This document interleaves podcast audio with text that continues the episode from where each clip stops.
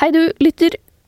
Vi holder jo på med aksjesesong, som du har fått med deg, og jeg lurer på hva du lurer på om aksjer, sånn at jeg kan få stilt alle spørsmål som fins der ute, til en ekspert.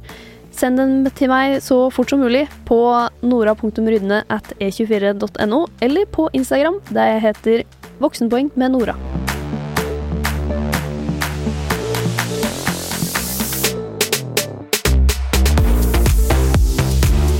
Velkommen til en ny episode av Voksenpoeng med meg, journalist Nora Rydne i E24. I dag har vi fått med oss deg i studio, analytiker Markus Borge Heiberg i meglerhuset Kepler Chevreux. Takk for det. Velkommen. Eh, Du skal eh, snakke litt med oss om hva du ser etter, og hva jeg som vanlig investor ser etter når du vurderer å kjøpe aksjer, eller om du skal beholde eller selge en aksje du allerede har.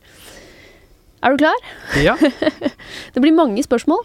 jeg gleder meg. Jeg har jo klar en hel bunke med noen rapporter her også, som jeg har eh, sett gjennom. Eh, Vi kan jo begynne med det. Hva, du sitter jo og gir anbefalinger til kunder om eh, de skal kjøpe, selge eller holde, som dere kaller det, eh, aksjer. Og sender det ut til Dere har vel stort sett bedriftskunder, da, men det finnes jo analytikere som sender til vanlige folk òg. Riktig. Hva ser du etter når du skal gjøre sånne vurderinger? Det er et veldig komplekst spørsmål, eh, men i det store og det hele så, så fungerer bransjen vår sånn at analytikerne får sektorer eh, inndelt, der vi blir på mange måter spesialister. da. Eh, så vi har lakseanalytiker, vi har shippinganalytiker, eiendomsanalytiker osv. Mens jeg da sitter på aksjer som er innenfor handel og konsum, så Orkla, XXL, Europris og den sektoren. da. Eh, Så når jeg da eh, skal ta stilling til en aksje eh, som vi skal ha dekning på, f.eks. XXL, da, som jeg har dekning på, så gjelder det først å lære seg markedet. Du må skjønne drivere for hva som gjør at folk kjøper sportsutstyr. Når kjøper vi mindre ut- sportsutstyr, mer sportsutstyr, og hvem som er spillerne, hvem er merkevarene, hvem er leverandørene, hvem er kundene. Og vi må ha en veldig på en måte, inngående forståelse av det, og følge markedet veldig tett. Eh, Og så må vi spesielt da inn på XXL eh, og analysere det, hvordan kostnadsposisjonen er mot konkurrenter. Eh, Vi må se på hvordan tilbudet av produkter er mot konkurrenter, og, og hva som gjør at kundene foretrekker XXL, og om de på en måte lykkes og vil lykkes fremover. Og så omsetter vi egentlig den analysen eh, om til et estimat på hva vi tror XXL kommer til å tjene eh, fremover. Eh, og basert på det eh, så får vi gi på en måte en forventet verdi av selskapet. Eh, og om den er høyere eller lavere enn dagens kurs, så har vi da en salgs- eller en kjøpsanbefaling da, basert på det. Ja, og da ser dere på en måte hva aksjen er verdt nå, Mm. og hva dere, om dere syns det er billig, eller om det er dyrt, eller Ja. om det er på on point. Mm. Vi snakket jo litt om det her fordi, tidligere i dag, fordi jeg jo er med i aksje-NM, og har irritert meg over Orkla-aksjen. Som er sånn, den, den Mm. ligger så stille. Ja, Og det er poenget. Ja, og da Eh. sa du ja, det, men den er prisa ganske riktig. Ja. Hvordan vet du det? Ja, i, I mitt hode så eh, er det en riktig pris gitt på en måte at utsiktene er veldig stabile. eh, Og på en måte når man ser på konsensusestimater, altså alle analytikeres estimater og den type ting, og hvordan Orkla da handler sammenlignet med sammenlignbare selskaper på prising, altså hvor mye er prisen på en aksje mot det de tjener, da, eh, så er det ganske likt som, konkurren som konkurrenter, og det er da ca. Sånn 20 ganger den forventede inntjeningen neste år. Det er ganske høy multiple. Hvis du snur 20 ganger earnings, som vi kaller det, da, eh, på hodet, så får du 5% rente. Relativt lavt, men på et sånn stabilt selskap som Orkla, som ikke er forventet å vokse veldig mye, men, men lønnsomheten er forventet å holde seg helt grei, så er på en måte den type gode, trygge selskaper, eh, de handler omtrent der. Eh, og når det gjelder liksom usikkerheten til estimatene neste år, så er vi ganske sikre på hvor mye folk skal kjøpe av Orkla-produkter neste år. Ikke helt sikre, men, men på en måte usikkerhets- og utfallsrommet er mye mindre enn f.eks. XXL. Da. Ja, fordi det er ikke noen store konkurrenter inn på vei, på vei inn på markedet, sånn som f.eks. XXL kanskje får i Amazon. Mm. Ja, selvfølgelig så er det jo alltid sånne det vi kaller storyer, eller liksom ting som kan endre utsiktene for Orkla eh, til det bedre eller dårligere. Eh, men, men, i dette markedet så er det typisk veldig høye inngangsbarrierer, da, som er en ting vi ser veldig mye på. Hvis du har en ledende posisjon i et marked, og du tjener mye penger, så vil man gjerne tenke at ok, her kan det komme konkurrenter som gjør at Orkla kan tjene mindre penger fremover. Eh, men når vi ser på Orkla, så er det typisk at de har kjempehøye markedsandeler i sine markeder. De har brands, altså merkevarer som folk liker veldig godt. Vanskelig å på en måte disrupte, da, som vi kaller det. Altså at du liksom kommer inn med ny teknologi og, og på en måte endrer spillereglene eh, over tid. Selvfølgelig, det kan skje for Orkla også, men, men ja, når Orkla da handler rundt da, 20 ganger eh, earnings på en, måte på en stabil inntjening, så, så kan man si om det er riktig eller feil, det, det, er mange som mener at det skal være verdt mer eller mindre. Eh, men, men, sånn i utgangspunktet så, så er det kanskje en kjedelig aksje å ha i aksje-NM. Ja, ja, for det er litt mer en sånn aksje som du tjener penger på å sitte på, ikke fordi kursen går voldsomt opp, men fordi du kanskje får utbytte på den. Mm, absolutt, og Orkla deler ut en veldig høy andel av sin inntjening i utbytte, rundt ja, 60-70 eh, av inntjeningen, da, EPS. Eh, så hvis Orkla tjener 4 kroner per aksje, vil kanskje, kanskje gi deg to 60-270 kroner i utbytte, da. Eh, som er en Hvis aksjen koster 100 kroner, så får du 2,5 kroner, så er det 2,5% rente. Det er litt sånn vi tenker. Ja, eh, rente på å sitte på aksjen. Rente å ja. sitte på penger, altså så få utbytte, da. Mm. Si at du har 3% cirka i Orkla nå. Eh, det er jo mer enn du får i banken. Ja. Og når de ikke deler ut alle pengene, deler ut kanskje 60-70% så kan de også vokse. For da putter de pengene tilbake i, i Orkla og investerer i vekst. da. Mm. Så da tenker man at ok, det er en rente på 3% og den renten kan vokse. Vi er ikke sånn veldig utrygge på den renten. Da er det kanskje Kanskje Orkla kan ha enda lavere rente også, og da ville aksjen gått mye høyere. Ja, Så da skal det litt til for at du endrer eh, endrer anbefalingen din på Orkla, fordi det ikke er en typisk sånn daytrading-aksje akkurat? Ja, eller så kan man si at man har en sånn strukturelle case, da. Eh, F.eks. på Orkla så er vi litt bekymret for egne merkevarer. Eh, F.eks. Rema 1000, hvis du går inn i en Rema 1000-butikk, så ser du plutselig at de stadig har flere av egne typer produkter. Mm. Eh, og blir en konkurrent til Orkla Norgesgruppen også, utvikler sant, med Jacobs og First Price og Eldorado og mange sånne egne merkevarer. Over lang tid har vi sett at det har tatt store markedsandeler. Og da, på en måte, hvis den utviklingen fortsetter, så blir det plutselig veldig vanskelig for Orkla å vokse. Og da kan det jo hende at 20 ganger inntjeningen er for høyt, fordi inntjeningen kanskje skal falle. Mm. Eh, og da blir den 3 renten som vi da snakket om, plutselig så må på en måte aksjen ned da, for at, de, for at det fortsatt skal være 3 Ja. Og da kommer vi inn på noe, fordi ikke sant, eh, dette er jo noe de kanskje kommer til å redegjøre for i mm. rapportene de leverer. Altså et selskap leverer én årsrapport i året, mm. og så fire eh, kvartalsrapporter. Eller Q1, 2, 3 og 4, som vi kaller dem. Ja, normalt. Du må ha, ha minst halvårlige rapporter. Ja, hvis du er på børs. Mm. Mm. Så nå har jo jeg printa ut eh, den siste kvartalsrapporten og årsrapporten til XXL, der du er en av analytikerne som er liksom spesialist på det selskapet der, da. Mm. Eh, det gir meg vonde minner fra når det er resultatsesong, og det kommer årsrapporter, og du får 100 sider på, eh, på, bordet ditt som du må lete gjennom og se om du finner noe spennende. Dette er hverdagen din. Ja, dette er definitivt hverdagen. Her sitter vi og blar og blar og prøver å finne noter og leser det med, med en liten skrift. Og, og prøver, i hvert fall i årsrapporten så er det veldig mye informasjon eh, som man prøver å lese litt med lupe. Men, men den daglige si, egentlig den løpende oppdateringen vi får fra selskapene, det ligger rundt kvartalsrapportene. Vi snakker mye med selskapene og sammenlignbare selskaper og prøver å få en oversikt over hvordan markedet går og hvordan det går med selskapet hele tiden. Og det er gjerne liksom Da har vi alltid neste kvartal i, i tankene.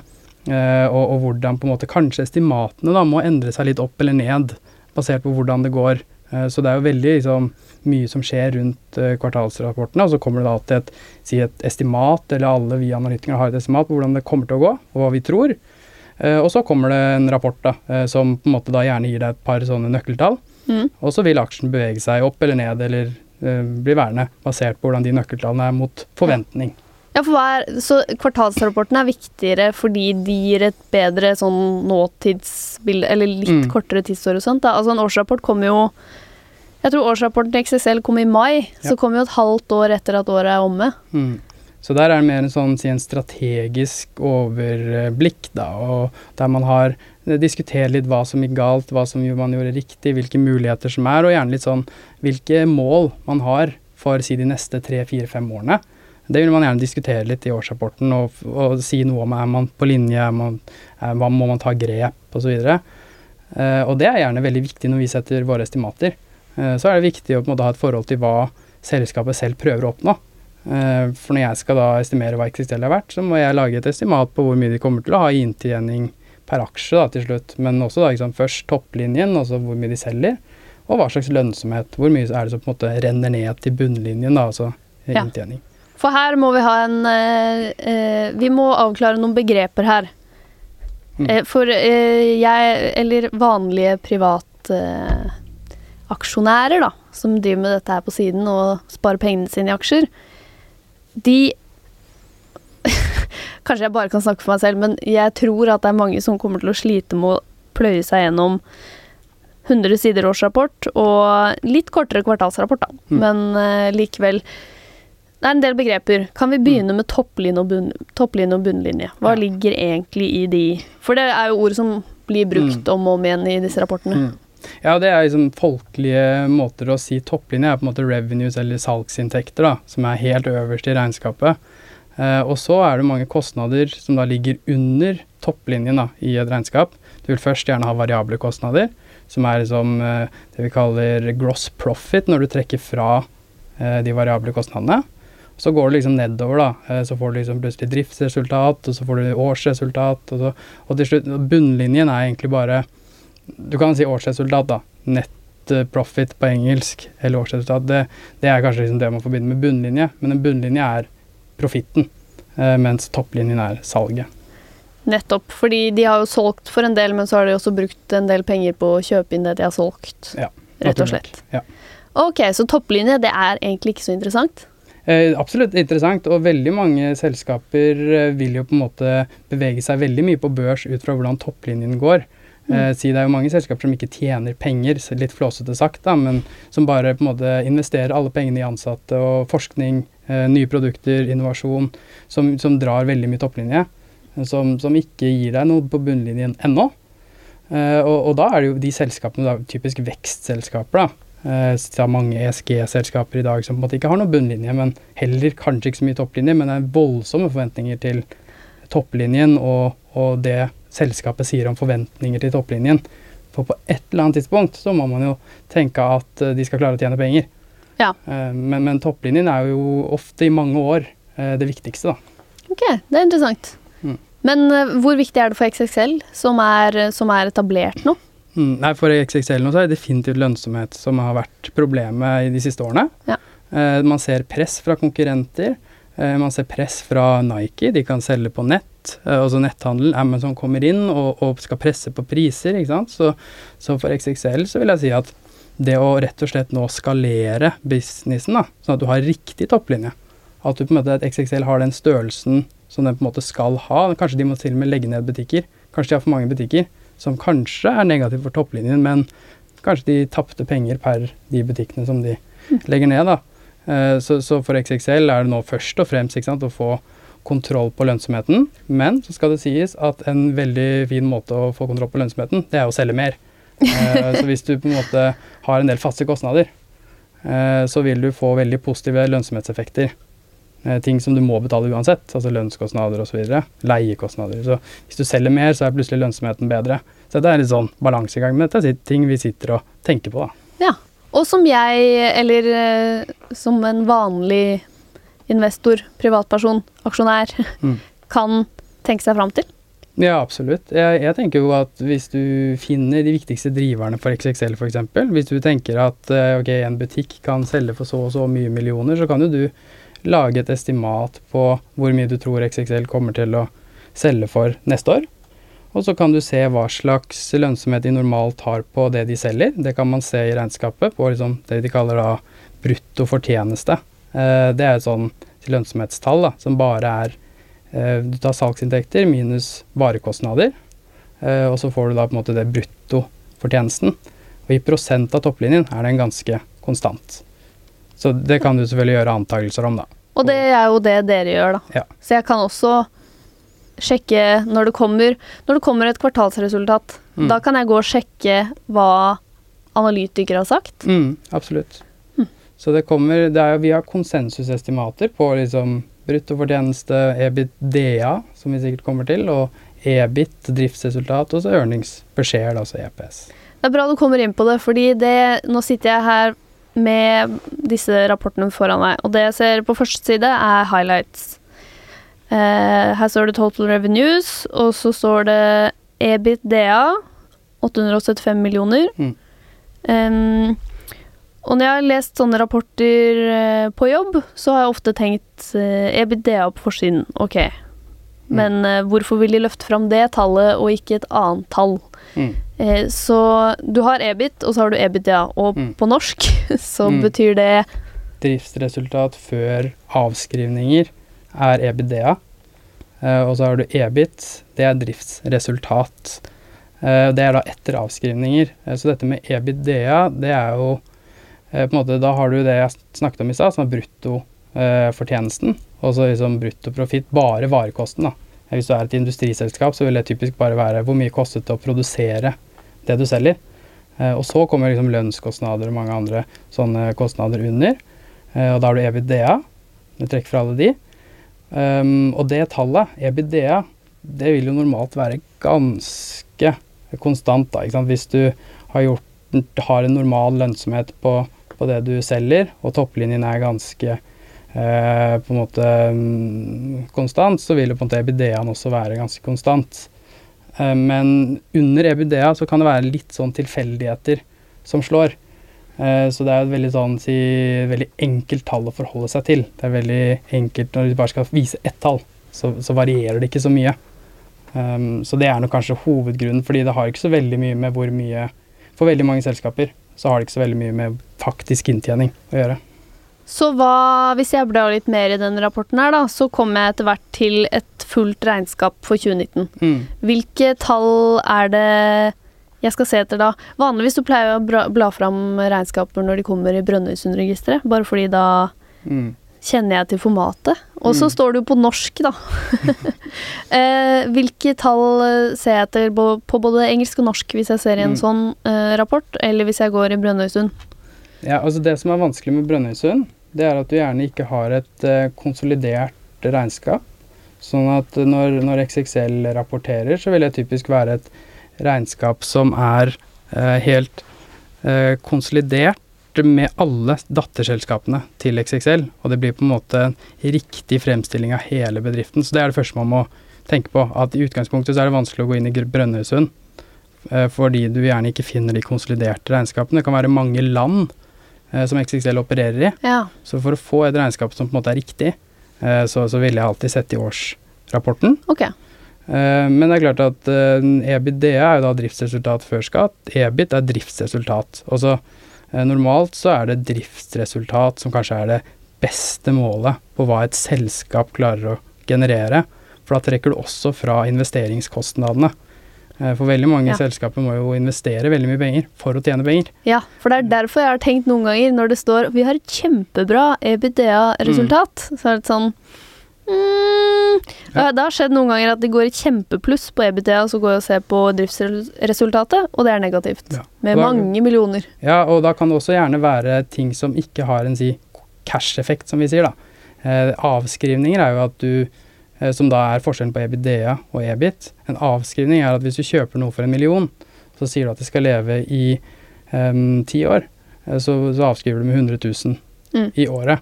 Eh, men hvis plutselig så er, viser det seg at den millionen var bomkjøp, den er ikke verdt noen ting, og skriver inn til null. Ja. Og da får du plutselig en avskrivning på én million. Og det kan være lenge siden du gjorde det eh, kjøpet, da. Eller nedskrivning på en million. Eh, det kan være lenge siden du gjorde det kjøpet, og, og da måte sier man at det har ikke cash-effekt, så tar vi det ut, og så adjuster man, og så blir det Så EBITDA er gjerne også adjusted. Du vil alltid se det. I et, år, i et regnskap du vil alltid se EBITDA adjusted. Og det er ting selskapet selv mener ikke er representativt fremover, da. Ok.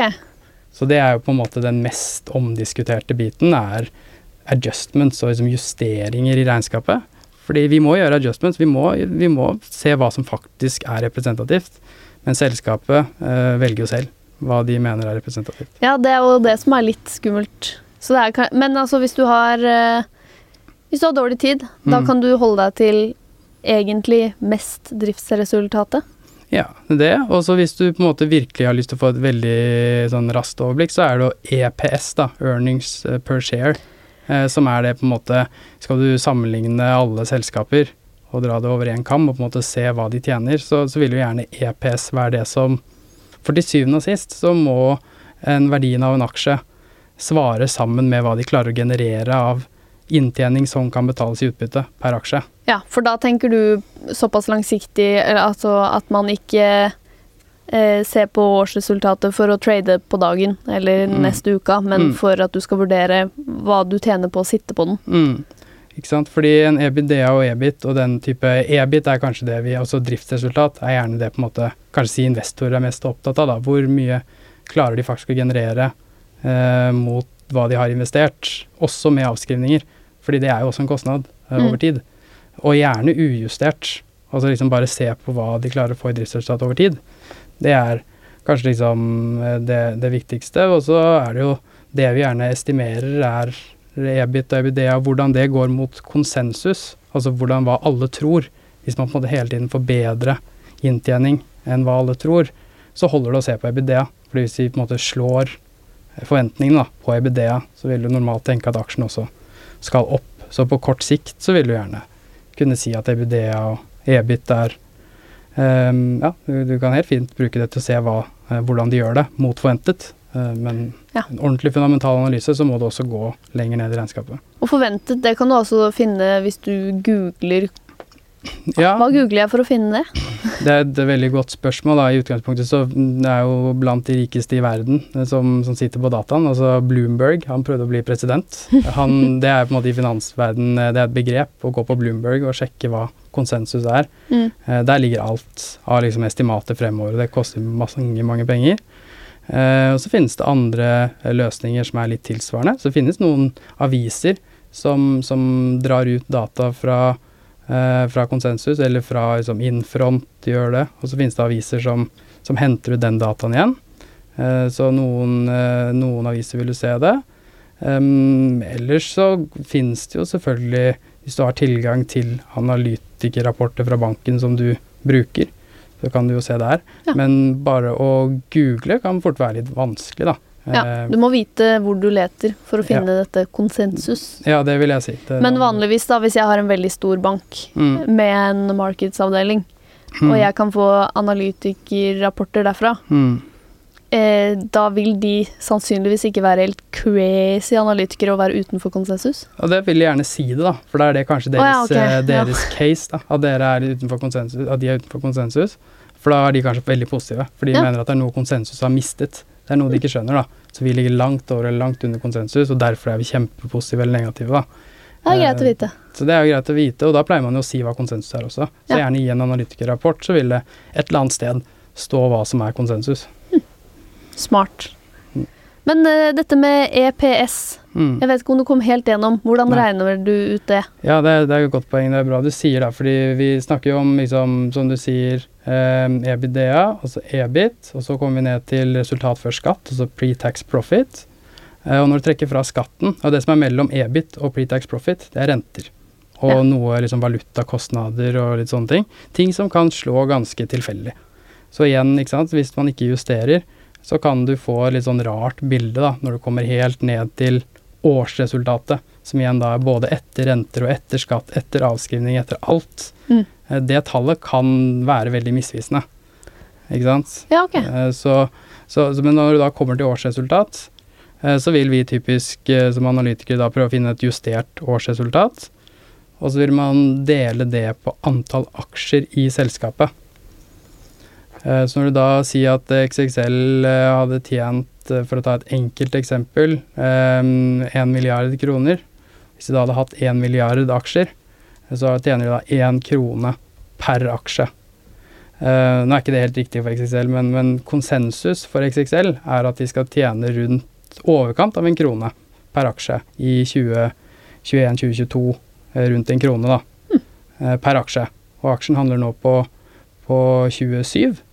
Så da får du en multippel, sånn PE-multippel på 27 ganger. En hva for noe multiple? En PE-multippel, altså en price earnings. Altså når du da tar prisen per aksje og deler på EPS, så får man da liksom denne price earnings, som veldig mange bruker, da. Ja, og rett og, eh, rett og slett den avkastningen du får på pengene du har brukt inn. Ja, det er i hvert fall på en måte forholdstallet mellom, eh, mellom eh, det de tjener og det aksjen koster. Ja. Eh, og så skal du se på avkast. Og det kan jo da mm, Det er avhengig av hvor mye de betaler i utbytte, hvor mye de skal vokse. Ja. Ut fra da måte hvor mye rente eh, man får, da. Og det er da en vurdering du gjør på liksom om du skal gå inn nå. Hvis jeg kjøper til 27, Mm. og det er estimatet framover, så er Mm. det det jeg vil få som earnings per share. Ja, da betaler Eh. du 27 ganger earnings per share da, Ja. i 2021. Så kan jo jeg mene om det er mye eller lite, og det avhenger jo litt om hvordan jeg tror earnings kommer til å bevege seg fremover. Ja. Uh, og hvis jeg tror at én krone, det er toppen, og derfra går det bare nedover, så er 27 ganger veldig mye, da, når jeg sier at Orkla handler på Mm. 20. Ja, Og har en uh, EPS på 3. Eh, Fire kroner cirka. Ja, det nettopp. Men, men Da kan du sammenligne, jo ja. Men, men ja, altså, du må sammenligne forholdstallet hvis aksjen er Hvis jeg hadde hatt ehm, ja? Hvis, hvis aksjen var i 100 kroner, eller 95 kroner og sånt, da, så har du, har du fire eh, kroner i EPS, så, så begynner du liksom å Fire-fem kroner Mm. eh, i EPS, så begynner du å skjønne med liksom 25-20 ganger i, EP, Ja. EP. Da. Og da kan det være verdt å sitte på den lenger. Ja, altså hvis man Du må jo da sammenligne med sammenlignbare selskaper, og det, det, det blir jo på en måte vår jobb, da, Ja. eh, å ha en formening om. Nettopp. Men hvis jeg kjøpte XXL-aksjen i en dipp, da, Mm. rett før den gikk opp igjen når eh, korona kom og alle måtte ut i skauen, Mm. eh, og handlet telt hos XXL. Så nå vet ikke jeg Jeg husker ikke hvor lavt den var, jeg, men den var jo fryktelig lavt. Fem kroner. Mm, Ja. Noe sånt, eller nærmere rundt det. Er det sånn at du da kunne vurdert Ok, la oss si at jeg kjøpte 100 XXL-aksjer for fem kroner, da. Mm. Og så eh, ser man en EPS, et EPS-estimat på um, Åh, hva var det du sa? Ja, på, på Excel på Eh, én krone? På én krone? Ja, Eh, da blir det jo et annet forholdstall. ja. ja det er P5. Så da. jeg ja.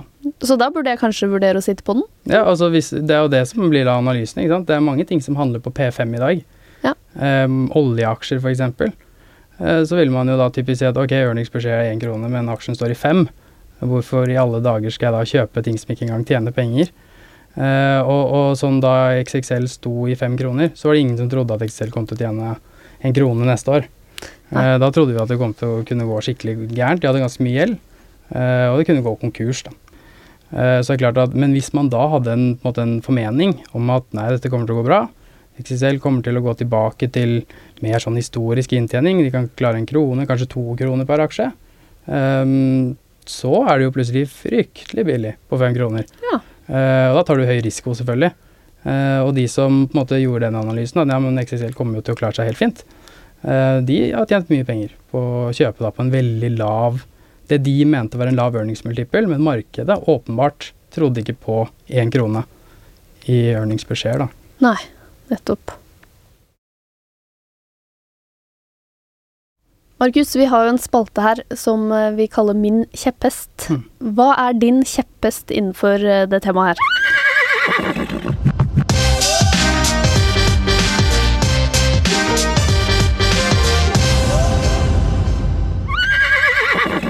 Altså Innenfor aksjeanalyse og, og, og verdsettelse av den biten her, og anbefalinger, så er det for meg å Det er veldig mye snakk om vekst, og at man skal vokse raskt. Og for meg så er det utrolig viktig å forstå også på en måte verdiskapingsperspektivet. At hvilken plass har dette selskapet i, i verden som ikke alle andre selskaper kan tilby. Og da, når man putter penger inn i dette selskapet, eh, som skal vokse veldig mye, så må man ha en formening om hvor verdiskapende den veksten er. Hva er liksom avkastningen på investert kapital? For mange selskaper så kan den vise seg å bli veldig lav, fordi det er så mange som gjør de samme investeringene. Eh, Så det å finne selskaper som har en unik teknologi og skal vokse mye, som man ikke klarer å se at noen kan ta igjen, eh, og da på en måte prøve å regne på, på, da verdiskaping da, per investerte krone. Eh, og der har du mange eksempler. ikke sant, i i f.eks. innenfor det grønne skiftet, så kan vi trekke fram sånne som Tomra, som har en helt unik teknologi som ingen andre har, og gjøre en analyse av om noen andre kan klare å skape den uh, og, og, da på en måte identifisere den verdiskapingen da, som selskapet skal vokse i. Det er veldig viktig.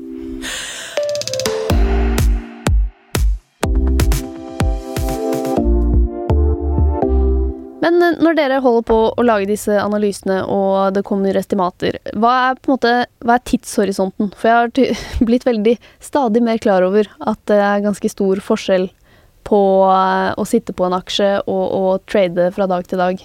Hmm. Ja, det er et veldig, veldig viktig spørsmål, og et spørsmål som kanskje liksom ligger i bakhodet alltid eh, når man både lager estimater og når man skal kjøpe en aksje. Det er hva, innenfor hvilket perspektiv, eller hva, hva, er perspektivet ditt? Er du langsiktig investor, eller er du en som skal trade?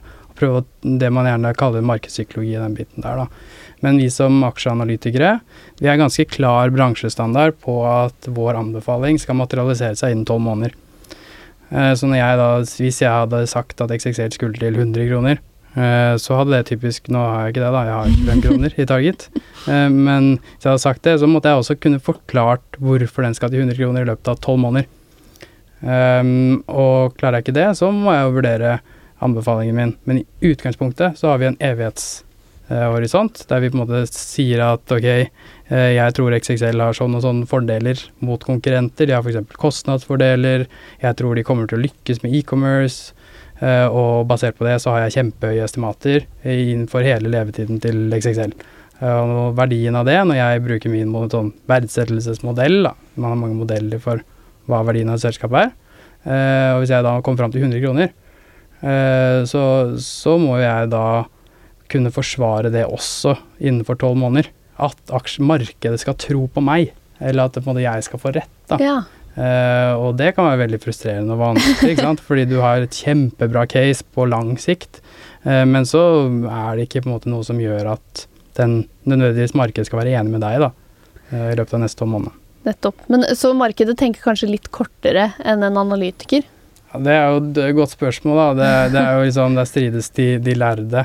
At du har en teori som sier at markedet alltid på en måte priser inn langsiktig alt som kan potensielt skje, gitt det vi eh, vet i dag. Og så er det andre som mener at markedet er veldig irrasjonelt eh, på kort sikt, og, og legger altfor mye vekt på sånne kortsiktige effekter. F.eks. covid nå er jo et veldig godt eksempel på f.eks. handelsbransjen, da, som nå gjør det kjempebra.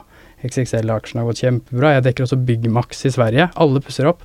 Og ja. Byggmax-aksjen har gått helt fantastisk. Og selvfølgelig har aksjen også gått kjempebra. Eh, men mye bedre eh, har aksjen gjort det da, enn hva man kanskje skulle tro hvis dette bare var en sånn one-off, som skjedde én gang. Eh, så markedet har kanskje litt tendens til å legge veldig mye vekt på det som skjer på kort sikt, og, og, og psykologien og at ting går riktig vei, veldig, kan være veldig drivende, da. Ja, for hvis det på, øh, Det er jo et interessant case med handelsbransjen. Altså, mm. de fikk et kjempeboost av korona. Mm. Men det er jo ikke nødvendigvis en langsiktig effekt. Nei.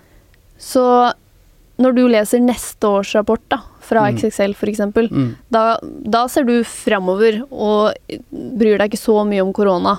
Nei. Nei det du må prøve å si, er hvor mye de kanskje har tjent på korona ved at de har solgt litt ekstra. Ja. Eh, men det som er veldig vanskelig å si da, er jo hvor mye de kanskje mindre de tjener i 2022, fordi alle har kjøpt alt turutstyret ja. eh, de trenger. Eh, og hvis man er veldig bekymret for det, så skal man jo definitivt ikke uh, kjøpe Excel. For nå virker det som at alle har troa på Før korona så gikk det jo uh, litt trått. Uh, veldig trått. at holdt jo på å gå konkurs. Og Gressvik gikk konkurs, og kjempetøft marked. Mm. Og nå er plutselig alt fryd og gammen, da. Um, så det er et veldig viktig perspektiv å ha med seg. At selv nå, si det neste halve året, så er det veldig lite vi ser som skal trigge XXL til å falle massivt. Fordi vinteren blir sikkert bra, det var veldig dårlig i fjor. Uh, og hvis sentimentet og på en måte estimatene Kan ikke jeg si hvor mine estimater skal, men tilsynelatende så er det, siden aksjen har gjort det bra, så er det ofte tegn på at estimatene har blitt uh, økt litt i det siste. Uh, og det er veldig lite som på en måte tilsier at nå skal det gå skikkelig dårlig neste halve året. Men verdien av XXL den ligger jo langt, langt fremme. så man legger mye vekt på det man ser akkurat nå, da. Ja. Og hva er risikoen med det? Altså, dere, når dere har et tolvmånedersperspektiv, mm. uh, hvis du handler ut fra det, mm. har du da mindre risiko enn hvis du prøver å f.eks. hoppe på en koronabølge eller eller hvordan funker det liksom risikoavveiningen når Mm. dere kommer fram til en tidshorisont, da? Ja, Det er et veldig godt spørsmål. I utgangspunktet så tenker man jo at jo lengre horisont du har, jo mindre risiko er det for å tape penger. Og på en måte at på, til syvende og sist da, så vil jo de gode selskapene og de som faktisk gjør det bra, leverer bra inntjening per aksje ikke sant? Og, og kan generere store utbytter. Over tid vil jo de gjøre det bra, og så bra som du hadde håpet. Men innen tolv måneder så kan det gå helt feil vei. Eh, Det kan være at eh, plutselig er det en kjempeforflytning av kapital, som vi har sett i SG f.eks. Kanskje du har et veldig bra case på, på Arcus, eh, og så finner plutselig markedet som da selger sprit og, og, brenn, og, og vin, og så plutselig finner markedet ut at nei, det, det, det, det, har ikke vi lyst til å eie nå. Så er det ingen som kjøper Arcus. ESG, hva, det må du bare forklare fort. Ja, ESG er jo da på en måte environmental, social eh, og government. Ja. Som på en måte er liksom veldig i vinden nå, da, med at ting skal være sustainable og, og grønt. Ja. Så ESG er det det vi snakker om. Vi snakker om grønne investeringer eh, og den biten der, da. Eh, så i olje er det jo mange som ikke skjønner noen ting av liksom oljeaksjene er så billige. Eh, og kanskje er det riktig at, at de oljeaksjene er billige. Eh, kanskje er det at du har et strukturelt skifte. Eh, Men det vil ta veldig lang tid før man ser hvem som har rett. Eh, Så, så på en måte for å vite om du tar rett, så, så vil du jo måtte sitte veldig lenge, da. Mm. Eh, Så, så risikoen på kort sikt, det er gjerne markedssentiment, ting går opp og ned, ting som ikke du kan si noen ting om. Så på kort sikt så vil jeg gjerne si at det er mye høyere risiko eh, enn enn på lang sikt, da. For da har du råd til en del svingninger, Ja, og så flater det seg ut etter hvert. Ja, så- Forhåpentligvis, da, hvis Ja. ikke alt går til helvete. Ja, og så tar liksom verdens rikeste investor, eh, Warren Buffett, så, så sier han at han kjøper en aksje for å aldri selge. Ja, For du sa til meg at han hadde ikke vunnet aksje-NM. Og jeg jeg var høy på meg sjæl fordi jeg ledet eh, E24-ligaen. Ja, ikke sant. Ja, men han hadde jo kanskje hadde kjøpt Aker Carbon Capture, hva vet jeg, men i utgangspunktet så, så ville ikke Buffett hatt noe sånn veldig større sannsynlighet til å vinne enn noen andre. Eh, fordi han gjør en fundamental analyse, han bruker kanskje flere år på å finne ut av hvilke aksjer han tror kommer til å gjøre det bra eh, over tid. Og, og innen en måned så er det helt eh, man kaller bingolotto eh, om det går bra eller ikke. Det Det skal jeg ikke si til noen av kollegaene mine, at jeg vinner på bingolotto. Eh, Bortsett fra hvis ting nå går veldig dårlig etter hvert, da. Det har jo, når vi spiller inn dette, så har det bare gått et par dager i aksjene. Men jeg leder fortsatt. kan jeg ta at det, finnes selvfølgelig noen unntak hvis du måtte identifisere triggere. da, eh, på liksom At du, har et veldig klart formening om at eh, nå skjer det noe spesielt eh, som, som man tror at markedet undervurderer, og så slår den til, og kanskje det er innen neste måneden. Så kan du selvfølgelig si at eh, da har du tradet bra, da. Eh, Mm. Da finnes det veldig mange tradere som leter etter den type investeringer. Ja. Eh, men, men Warren Buffett ville aldri lett etter den investeringen. Ja, for det er jo liksom to drivere i markedet her. Det er jo markedet, altså vanlige folk, og, og fond og Altså av aksjonærer så er det jo svære aksjonærer som er profesjonelle, og masse små aksjonærer. Mm. Eh, og de driver markedet, og så er det analytikerne som til en viss grad også driver kanskje de største aksjonærene. Eh, er det irriterende? Har markedet Mm. ofte en annen oppfatning enn dere?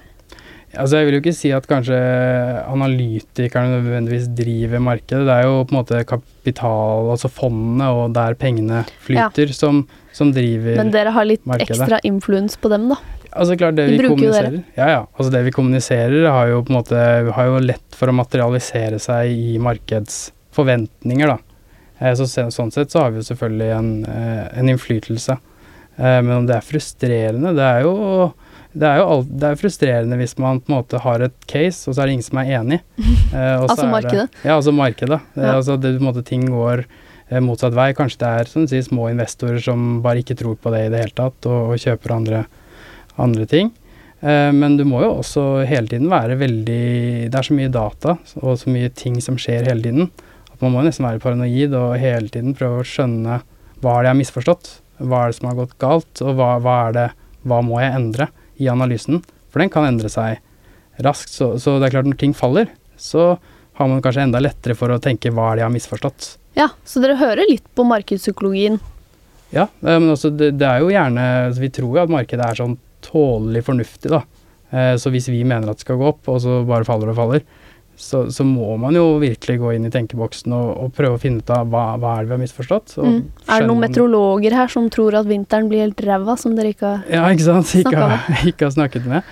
Ja, men det kan jo typisk være at man ja, alle f.eks. er kjempenegative til at Amazon eh, kommer, eh, mens du mener at det skal gå bra. Eh, og da, du vet jo ikke om det kommer til å gå bra før Amazon har vært der i mange år. Eh, så det kan ta veldig lang tid da, før det caset som du har materialiserer seg. Ja, Så dere er litt mer tålmodige enn markedet? Altså, ja. For jeg så jo det, Dette skjedde i går, første dag av aksjen-NM. Mm. Uh, jeg satte en del penger i Aker Carbon Capture fordi jeg så at den hadde steget en måned. Mm. Og det kunne jo potensielt vært idiotisk, fordi kanskje den hadde steget til det den var verdt nå. Mm. Og så steg den 50% på en dag. Og mm. det skjedde ingenting. Det var ingen nyheter. Why? Det var en liten nyhet fra myndighetene som skulle satse på Jo, jo, men den hadde jo kommet to ja. uker før. Ja, ja nei, jeg, altså jeg følger jo ikke den, eh, den, den aksjen spesifikt, men, men, jeg er helt enig. Altså, det er jo en sånn typisk Det kan komme en kjempebølge, det blir sånn selvforsterkende effekt. Ja. At uh, nå når aksjen stiger, så tenker man at nå uh, er det noen som vet noe. Uh, nå kommer det en eller annen ah. positiv nyhet. eller altså, du får jo en sånn man kaster seg på, kan være en greie. Mm. Eh, men ja, for meg det er vanskelig å uttale for det spesifikke caset. Men, men det kan er veldig mye psykologi, og den kan falle rett ned igjen hvis det viser seg å ikke være noen ting. Så bare folk har kastet seg på en bølge eller en type boble, da, mm. hvor folk, ting bare stiger bare fordi det stiger. Det er mange som snakker om det vi kaller ESG, eller grønne aksjer generelt. Så er jo nesten alle enige om at det er en boble, og det er veldig fascinerende. Ja, fordi Og det blir jo det kommer til å ta lang tid før man finner ut av, fordi ja. Aker Carbon Capture skal jo ikke tjene penger på en stund. Nei. De har bare en del kontrakter. Ja, ja. Jeg snakket med den fornybare analytikeren vår om dette her uh, jevnlig, og han syns det er kjempevanskelig, fordi han tror jo kanskje liksom at lønnsomheten vil være noe presset i noen bransjer, da. Så har han tro på andre bransjer. Mm. Og så egentlig alle analytikere som dekker dette, på en måte alle er enige om at dette her er kjempepositivt. Veksten er der. Uh, vi aner ikke hva lønnsomheten blir. Eh, men det vil være veldig lang tid før man vet hvem som blir vinnerne. Noen vil bli vinnerne. Så han er jo kjempepositiv til noen selskaper. Men det vil være veldig vanskelig å vite når eh, dette materialiserer seg, og når eventuelt den boblen, hvis det er en boble, eh, sprekker. da. Spennende. Det er gøy når man daytrader, i hvert fall. Ja, det er kjempegøy. Som jeg sitter og gjør nå i aksjene. Men eh, hvilke andre sånn en ting er jo at det kommer kvartalsrapporter og årsrapporter. Da beveger gjerne aksjen seg ut fra om det kommer positive eller negative nyheter. Mm. Fins det noen andre triggere som man burde liksom skrive ned i kalenderen? At her kan det skje noe med forskjellige aksjer? Mm. Da er det gjerne det vi sier når vi skal prøve å uttale oss om ok, hvordan slår dette på en aksjekurs? Hvis, hvis det skjer et eller annet, så er det første vi tenker på ok, hva skjer med estimatene? Gitt at dette skjer. Så da må man identifisere de si, eventene eller de tingene som gjør at estimatene kan endre seg da, eh, til fremtiden. Mm. Uh, og typisk, den liksom, vanligste triggeren er kvartalsrapportene. Da får man ny informasjon, og åpenbart mest sannsynlig kommer det til å bli endringer i uh, estimatene. Så alle kvartalsrapporter er alltid sånne kjempe, uh, kjempetriggere. Eller så kommer det jo selvfølgelig et statsbudsjett. Det kan være en trigger, det kan bli bevilget masse penger til et eller annet, eller det kan bli senket en avgift, det kan bli lagt på en avgift. Um, at Amazon kommer, f.eks. hvis du er kjempenegativ til handelsbransjen fordi du tror Amazon kommer, så kanskje du kan ha identifisert at den dagen Amazon kommer til Norge, så er det en negativ trigger. Mm.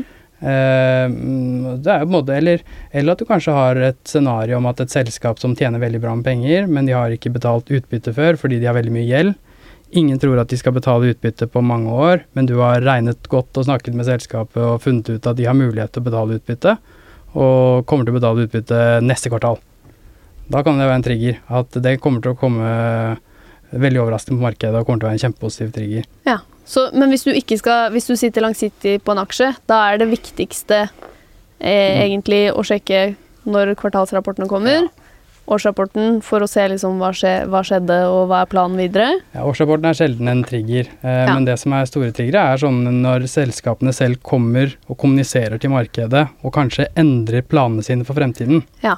Eh, for sånn, hvis du tar disse grønne aksjene nå, så handler jo alt om hva selskapet tror de kan få til. Eh, så vil det typisk da være kjempepositivt hvis det kommer en sånn kapitalmarkedsdag, som man kaller det, hvor selskapene inviterer analytikere og investorer og alt mulig. Eh, til en kapitalmarkedsdag, hvor de da kommuniserer om sine måte, mål eh, til fremtiden. Og det gjør de med jevne mellomrom. Da. Ja, så du burde liksom følge med, følge med i nyhetene, kanskje viktigst, da. Ja, absolutt. Og så når du vet at det kommer store ting, altså kvartalsrapporter, Mm. det kan du jo det kan du sjekke med selskapet når det kommer, ikke sant? Så har du presidentvalg da, eh, i USA. Ja. Det er jo en trigger. Det er det alle måtte Nå begynner folk liksom å snu seg litt fra å snakke om korona til presidentvalget. Så nå prøver man å finne ut av at hvilke aksjer går opp, og hvilke går ned hvis Biden vinner. Hva Ja. går opp hvis ned, hva hvis, hvis Trump vinner. Så det er en typisk sånn trigger-event som kan slå i alle mulige retninger. Så nå sitter folk og diskuterer hvilken vei de tror ting går, og hva som potensielt påvirkes hvordan. da. Ja, da, men hvordan du skal vurdere det, da må du egentlig tenke, hvis du skal sitte langsiktig på en aksje, litt Mm. lenger fram. Ok, hvis Biden tar over, hvilke endringer kommer han til å gjøre som kanskje Mm. kan legge en avgift som gir mindre lønnsomhet, Mm. eller kutte noe som gjør mer. Mm. Eller handelskrig mot Kina. Hvem er det som, Ja. hva, hva tror man skjer med den? Kanskje Biden er softere mot, mot Kina? Noen Ja. som tjener penger på at det ikke er handelskrig, f.eks., vil kunne gjøre det bra. Mm. Så det vil jo typisk da være ok, hva skjer med inntjening til dette selskapet, gitt at Biden eller Trump vinner, går den opp eller ned? Skal skattene opp eller ned i USA, så er jo det et veldig reelt Mm. spørsmål. Trump første han gjorde, var å senke skattene. Så det er sånne ting vi også må, må se på, da, um, og ha en formening om.